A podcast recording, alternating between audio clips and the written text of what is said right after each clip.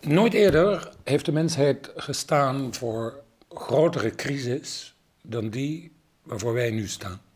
We noemen dit tijdvak het Anthropocene, het tijdvak waarin de mens het aanzien van deze aarde is gaan bepalen. Dat klinkt aan de ene kant heel geruststellend, maar in werkelijkheid eh, wordt het Anthropocene gekenmerkt door grote mondiale crisis. Klimaatcrisis, biodiversiteitscrisis, ecologische crisis, gezondheidscrisis, migratiecrisis.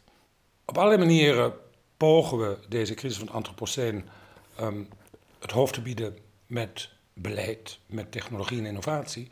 Maar in diepste zin zijn dat oplossingen aan de buitenkant. Willen we wezenlijk een duurzame toekomst tegemoet gaan, dan zal er ook iets moeten gebeuren van binnenuit.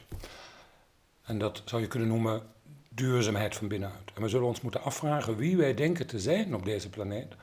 En wat we zullen moeten worden om een duurzame toekomst te creëren voor onszelf en voor het overige leven op deze aarde. In deze reeks gaan we onderzoeken hoe zo'n transformatieproces ook op persoonlijk niveau zou kunnen plaatsvinden.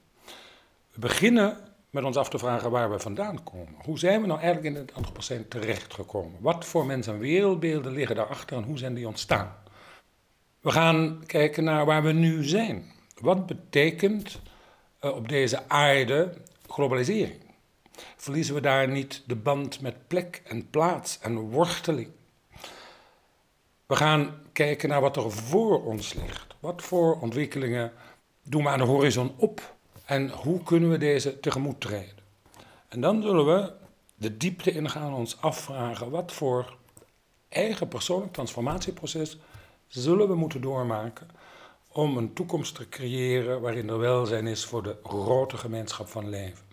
En tenslotte zullen we ons ook afvragen hoe dat transformatieproces ook kan leiden tot een andere handelingspraktijk. Hoe die in ons professionele leven een plek zou kunnen krijgen.